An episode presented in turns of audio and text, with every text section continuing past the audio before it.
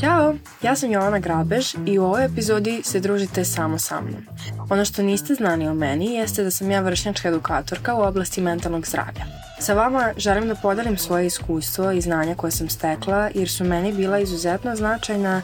i podelit ću sa vama i neka pitanja i savete koji mislim da bi mogli da vam znače u bilo kom smislu. Uživajte!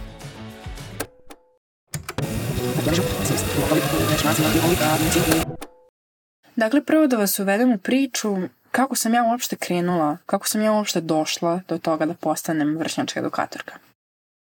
Ja sam u maju 2021. godine krenula na projekat INET, odnosno European Youth Engagement Network, koji je projekat vezan za pozorište, mlade i tako svaka neka, svake neke zanimljive teme, gde sam od glavne organizatorke, jedna od, dobila link ka pozivu u stvari za prijavu za neki novi projekat koji sprovodi Opens, odnosno Omladinski centar Opens i projekat se zvao Mladi u centru. U suštini pročitala sam taj opis na tom linku koji glasio da traže mlade ljude, ambiciozne, koje zanima psihologija, rad sa mladima, rad na sebi, mentalno zdravlje, svašta nešto. I vrlo me je zaintrigiralo zato što su to negde bile godine gde sam ja počela da mnogo razmišljam o svojoj mentalnoj higijeni, o svom napretku, o svom rastu, uopšte radu sa ljudima i pomaganju i saznanju i svemu i mnogo me zanima psihologija. Tako sam se prijavila i primila su me. I uglavnom, projekat je značio da prolazimo četvorodnevnu obuku i sva četiri dana obuka se održavala u Opensu i tu obuku je vodila psihološkinja Jelana Barna. Obuka je trajala svaki dan po skoro ceo dan Tu smo bili nas 20 i svaki dan smo imali neke različite aktivnosti. Day 1. Naravno, prvog dana smo se upoznavali, i radili, imali smo dosta, dosta grupnih radova, prezentacija, nekih tema za razgovor, debata, držali smo mi govore i dolazili su nam ljudi predstavnici mnogih organizacija iz Novog Sada koji se bave mentalnim zdravljem i psihološkom podrškom za mlade i uopšte ljude kojima je podrška potrebna. S obzirom da je ovaj projekat pod okriljem UNICEF-a, sprovodi ga Opens, dolazili su nam ljudi direktno iz UNICEF-a. Radili smo po priručniku koji je sastavljen od strane UNICEF-a, Poenta ove obuke, odnosno sam cilj, jeste bio da se mi obučimo u oblasti mentalnog zdravlja, dovoljno da znamo da nekako pružimo tu, tako smo mi nazivali, prvu pomoć u svojoj okolini. Da li će to biti škola ili fakultet, to ne znači da bismo mi bili psiholozi držali seanse ili nešto slično, već samo jednostavno da znamo kako da prepoznamo osobu koja je u distresu, odnosno koja je loša, koja se osjeća loša, koja se bori sa nekim težim emocijama, da to nekako prepoznamo, znamo kako da iskomuniciramo sa tom osobom, znamo kako da joj priđemo, pružimo neku osnovnu podršku ili tražimo pomoć od drugih ljudi. Day 4 Posle četvrtog dana mi smo dobili sertifikat da smo završili obuku za vršničke edukatore, postali smo članovi Opensa i svake nedelje smo imali sastanke posle toga, nas 20 sa, sa članovima iz Opensa, gde smo diskutovali o daljem radu. Next phase. E sad, šta je dalji rad? Dalji rad bi uključivao ovo što sam spomenula, dakle, u našim najbližim okolinama, da li je to škola ili fakultet, mi bismo držali predavanja, jedan školski čas, odeljenjima u našoj školi, odeljenjima u drugim školama, zavisi kako kad. I predavanja bi bila o mentalnom zdravlju kod mladih, o uopšte razgovaranju o tome, o skidanju stigme. I glavni deo, jedan od glavnih delova, naših predavanja, našeg projekta, jeste sazveđe podrške.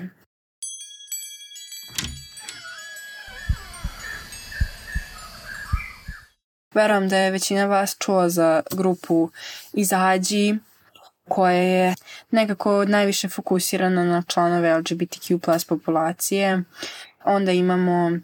Centar srce, koji se bave podrškom suicidalnim osobama i tako dalje. Dakle, mladima kojima bi držali predavanja bismo i to predstavili, upoznali bismo ih sa centrom Opens, upoznali bismo ih sa sajtom sveok.rs koji je napravljen od strane UNICEF-a i uglavnom približili bismo mladima tu temu mentalne higijene i značaja razgovora kad je u pitanju mentalno zdravlje. I takođe bismo im dali do znanja da u sklopu Opensa mogu da pronađu mlade ljude bliske njima, njihove vršnjake koji bi mogli da im pruže neku vrstu podrške ili samo razgovor, bilo šta u takvom smislu. Nešto što smatram da je jako bitno da podelim sa vama jeste moje lično iskustvo i uh, to na koji način su mi obuka, radionice i to držanje tih predavanja u stvari pomogle na mom ličnom putu i u nezi mog mentalnog zdravlja.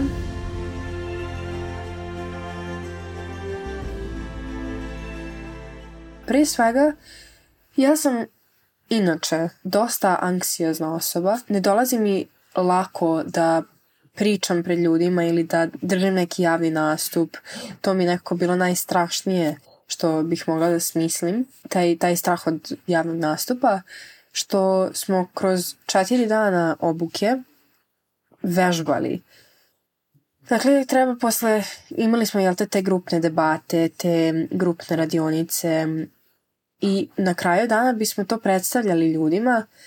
I treba nekako da predstavimo svoje mišljenje i svoje stavove što nikada nije lako, posebno pred tada meni još nepoznatim ljudima. Ali to je nekako bila vrlo opuštena atmosfera, vrlo prihvatljiva, svi su bili raspoloženi, pozitivni i Jelena Barna koja nam je i vodila tu samu obuku je bila nestvarno prihvatljiva, smirena, puna strpljenja, uglavnom samo vrlo, vrlo pozitivno i dobro okruženje za tako neke stvari kada se prevazilazi strah i probija led prvi put, što je bio moj slučaj. I ovo mi je stvarno jako puno pomoglo za dalje znanje kada je u pitanju rad sa ljudima. Naravno nije sve teklo tako glatko i, i dobro. Prvi put kad sam trebala da stanem pred svima i bukvalno u prvom danu, primjera radi, imali smo zadatak da stanemo pred ljude i da kažemo nešto. Bilo šta. Neki su govorili neku šalu, neki su se predstavili, neki su rekli neku anegdotu toga dana ili ispričali nešto što ih zanima. Meni je, ja sam pitala Jelanu da li mogu da ne radim tu vežbu zato što sam bukvalno bila jako ukopana, jako sam se sledila i jako sam previše sam razmišljala o tome šta ću ja sada da kažem, toliko ima mogućnosti, nemam kao slobodna je tema što mi je bilo još teže zato što kao neko sam razmišljala ljudi će stvoriti mišljenje o meni putem onoga što ja kažem, odnosno ako kažem šalom misliće da sam ovakva ili ako se samo predstavim i misliće da sam ovakva ili ako ne znam uradim nešto ovako i samo je tu bilo previše mogućnosti i previše razmišljanja i, i, i previše šta ako i ja sam to rekla Jeleni i ona je bila kao ovo je prostor da probiješ to i da nekako treniraš, bukvalno istreniraš svoj mozak da ne razmišljaš tako zato što šta ako situacije postoje u svakoj sekundi svakog dana. I nekako samo ćeš sama sebe sputavati ako nastaviš da razmišljaš tako i ako dopustiš svom mozgu, odnosno tim lošim mislima da te kontrolišu, a ovde stvarno niko neće da te osuđuje i svi smo došli i svi su u istom položaju kao i ti i niko nije došao ovde tebe da osuđuje, svi ste došli nešto da naučite. I, I pored toga što mi je ona rekla, mi je bilo jako teško da izađem pred sve, ali sam izašla i imali smo, naravno imali smo jako kratko vreme da to uradimo, tako da ne moramo da pričamo, ono ne znam, nije 10 minuta, imali smo tipa 30 sekundi da kažemo šta imamo i ta vežba je bukvalno služila samo da bismo prvi dan probili taj led i nekako i nasmejali se i olakšali samim sebi da vidimo da ovo ispred nas, ovih 20 ljudi, nisu ono neka čudovišta kao što to u našoj glavi izgleda. I ja sam stala pred ljude i rekla sam im Podelila sam sa njima, ja sam trenutno jako anksiozna i bojim se da stojim pred vama i mislim da me jako osuđujete i imam osjećaj da nisam sama koja se tako osjeća u ovoj prostoriji i to mi nekako daje snagu da sad evo ovde stojim i nadam se da će do kraja četvrtog dana se malo to popravlji, popraviti i biti lakše, jer to mi je nekako i cilj pored osnovnih razloga zašto sam došla ovde. Cilj mi je da nekako razbijem taj strah u sebi i budem bolje prema sebi i drugima I tu je prošlo tih 30 sekundi. I naravno, posle svakog govora svako je dobio aplauz i ja sam bila negdje među poslednjima i posle toga smo imali pauzu i sećam se da smo svi pričali međusobno i da sam s toliko ljudima i prišla bila kao ja se bukvalno isto tako osjećam i kao mnogo je lakše kad čuješ da neko to tako kaže i onda smo tako krenuli da, da, da pričamo i da se zapravo povezujemo iz našeg straha, što ga je istovremeno i umanjilo i nije mu dalo takvu moć da kontroliše nas sve, što je bilo jedno, jedno vrlo dirljivo iskustvo i definitivno iskustvo koje neću zaboraviti u skorije vreme. Tako da u tom smislu ovaj projekat i ovo iskustvo obuke i vršnjačke edukacije je dakle na prvom mestu pomoglo u mom radu na sebi, u mom pogledu uopšte na, na mene Jer jako često kada nam se nešto dešava ili kada se osjećamo loše ili imamo neki problem, imamo nekako tu tendenciju da mislimo da smo sami i da nas niko neće razumeti, što nikada nije slučaj jer uvek će postojati neko, da li to bije naš, neka bliska osoba nama ili pak neki stručnjak, psiholog, psihijater, doktor koji će nas razumeti i to zvuči, mislim, jako je lako reći i teško je osetiti, ali način na koji ćemo to osetiti jeste da radimo stvari koje nas plaše i da izlazimo iz svoje zone komfora i nekako izazovemo sebe i te svoje strahove i, i ta čudovišta u nama da eto zašto ne bismo probali da, da prebrodimo to možda da prvo nešto dobro i, i dobijemo iz toga.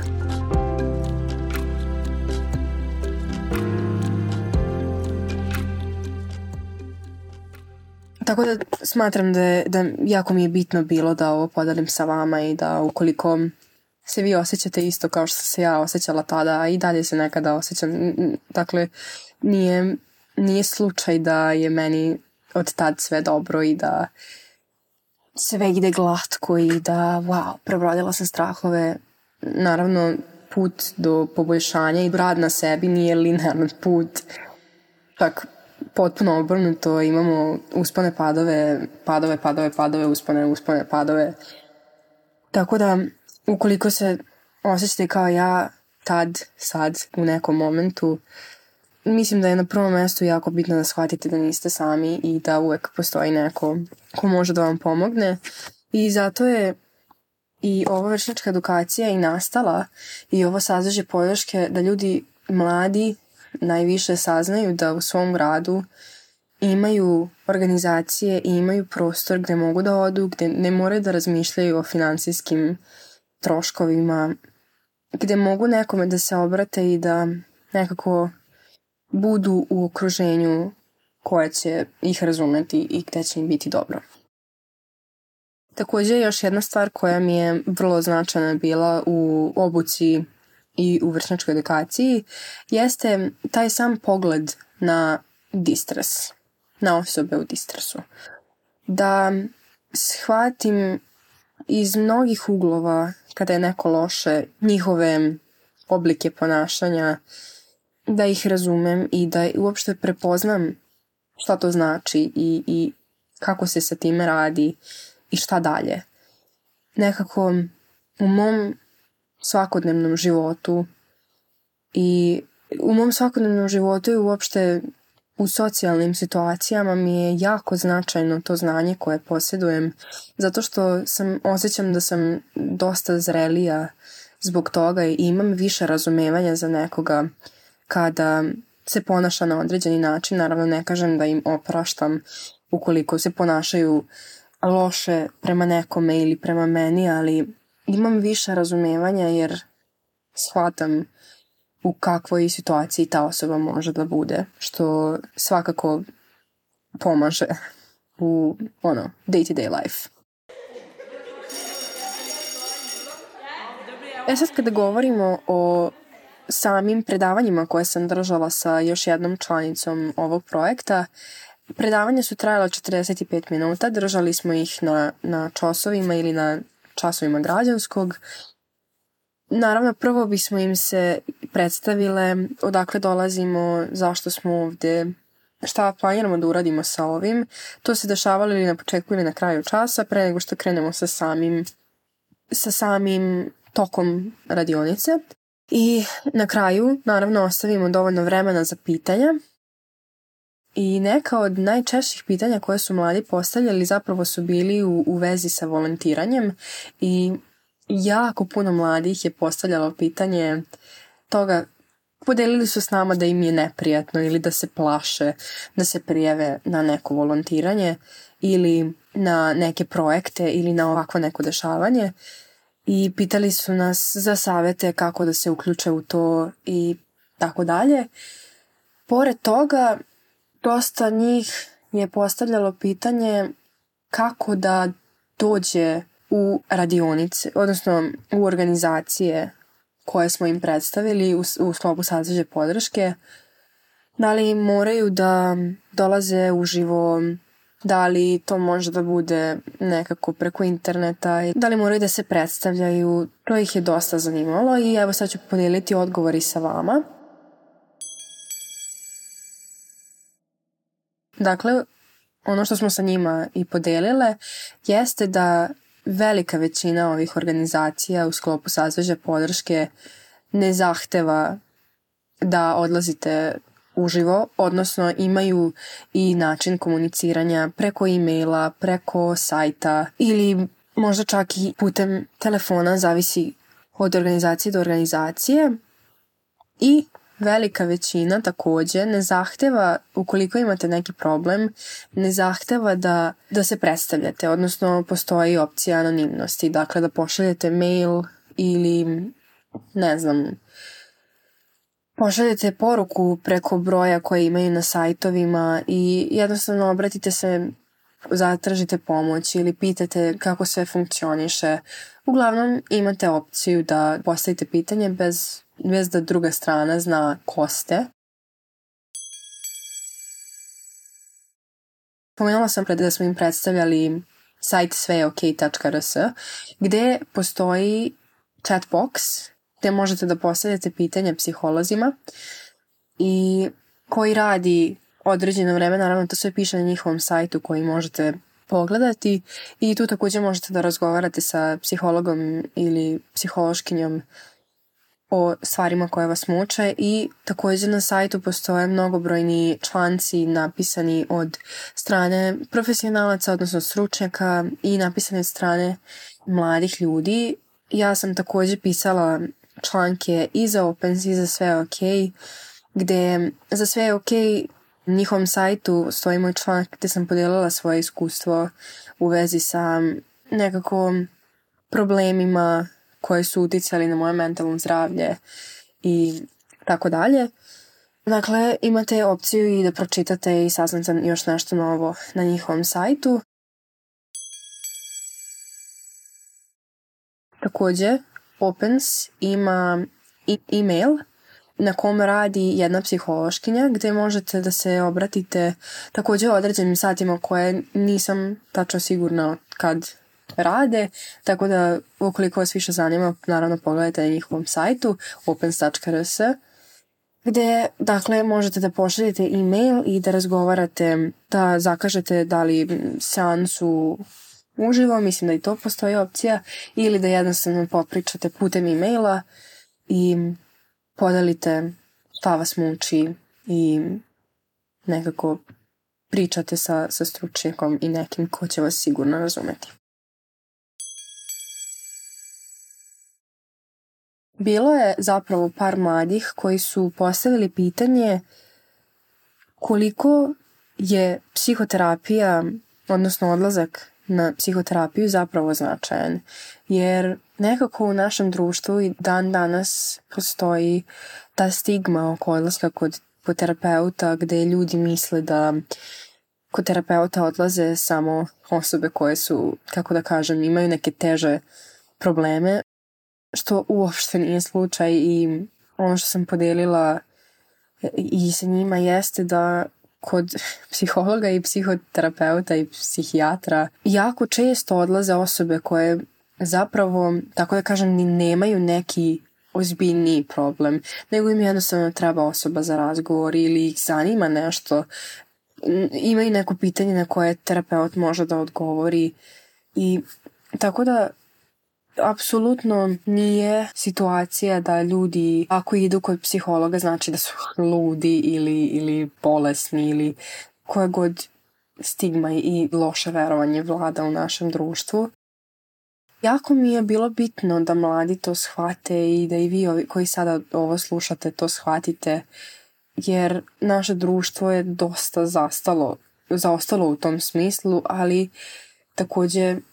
postoje organizacije, postoje vršnjački edukatori, postoje influenceri čak, koji će sa vama podeliti svoju priču i koji će otvoreno re i uopšte pokazati da psihoterapija nije nešto loše i ne može da bude jer razgovor sa psihologom može samo dobro da donese.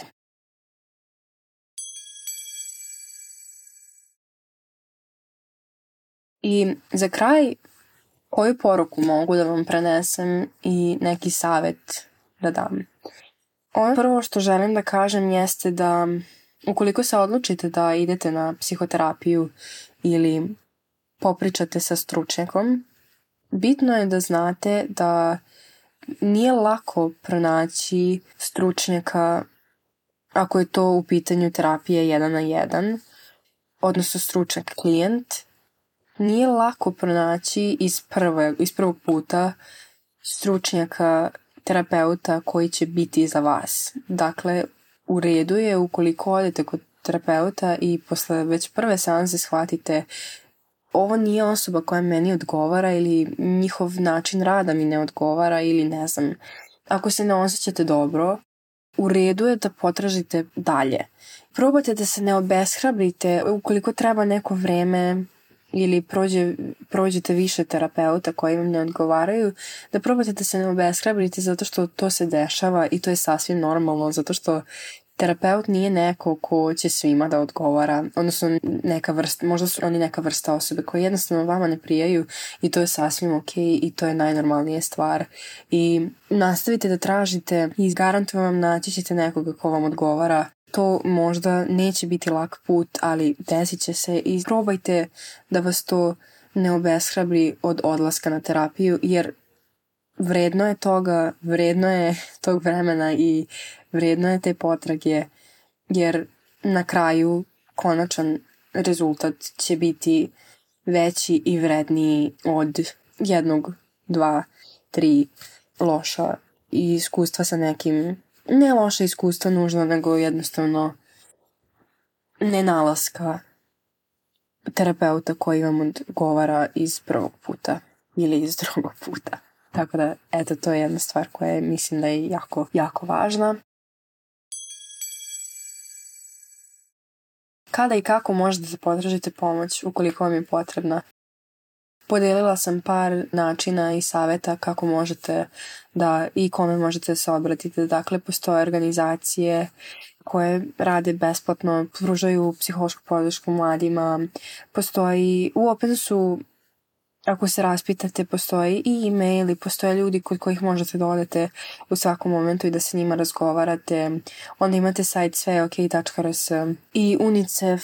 koji takođe radi na mentalnom zdravlju. Dakle, postoji broj načina, samo treba da, da istražite i nađete koji vama odgovara.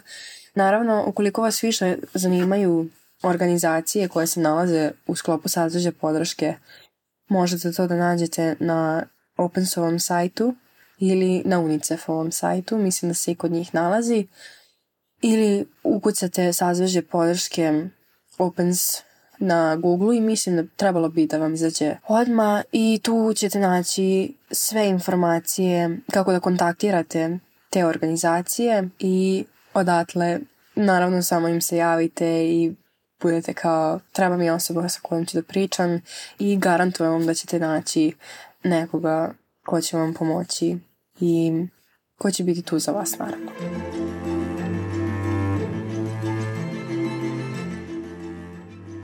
Dakle, najbitnije jeste da zapamtite da niste sami, da će uvek neko biti tu na raspolaganju da vas sasluša, da vas ne osuđuje, da pokuša da vam pomogne i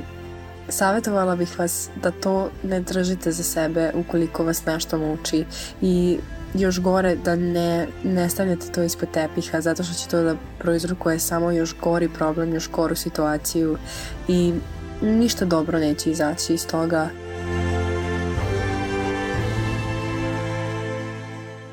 treba da pričamo o tome, treba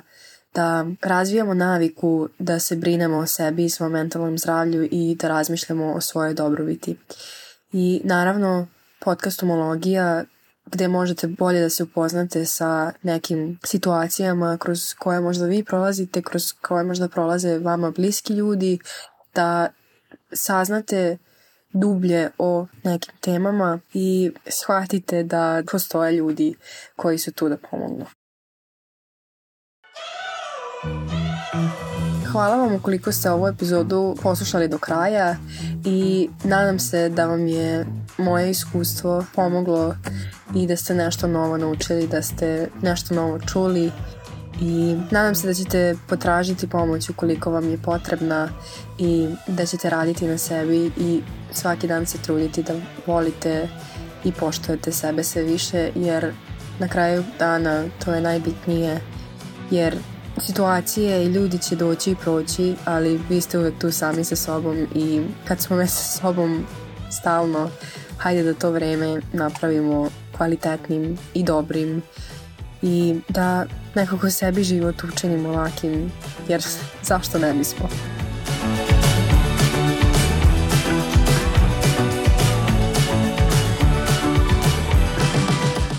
Slušate podcast Umologija, Fabrike kreativnosti. Podcast u kom želimo da napravimo nove drajvere, putanje shvatanja i razmišljanja, poimanja sebe, svojih misli i emocija, ali i osoba i sveta oko nas. Novinarka Jovana Grabež, dizajn zvuka Jovan Živković, urednica Aleksandra Bučko, produkcija Fabrika kreativnosti. Ovaj podcast i rad Fabrike kreativnosti podržava Švedska u okviru programa Beogradske otvorene škole, mladi i mediji za demokratski razvoj.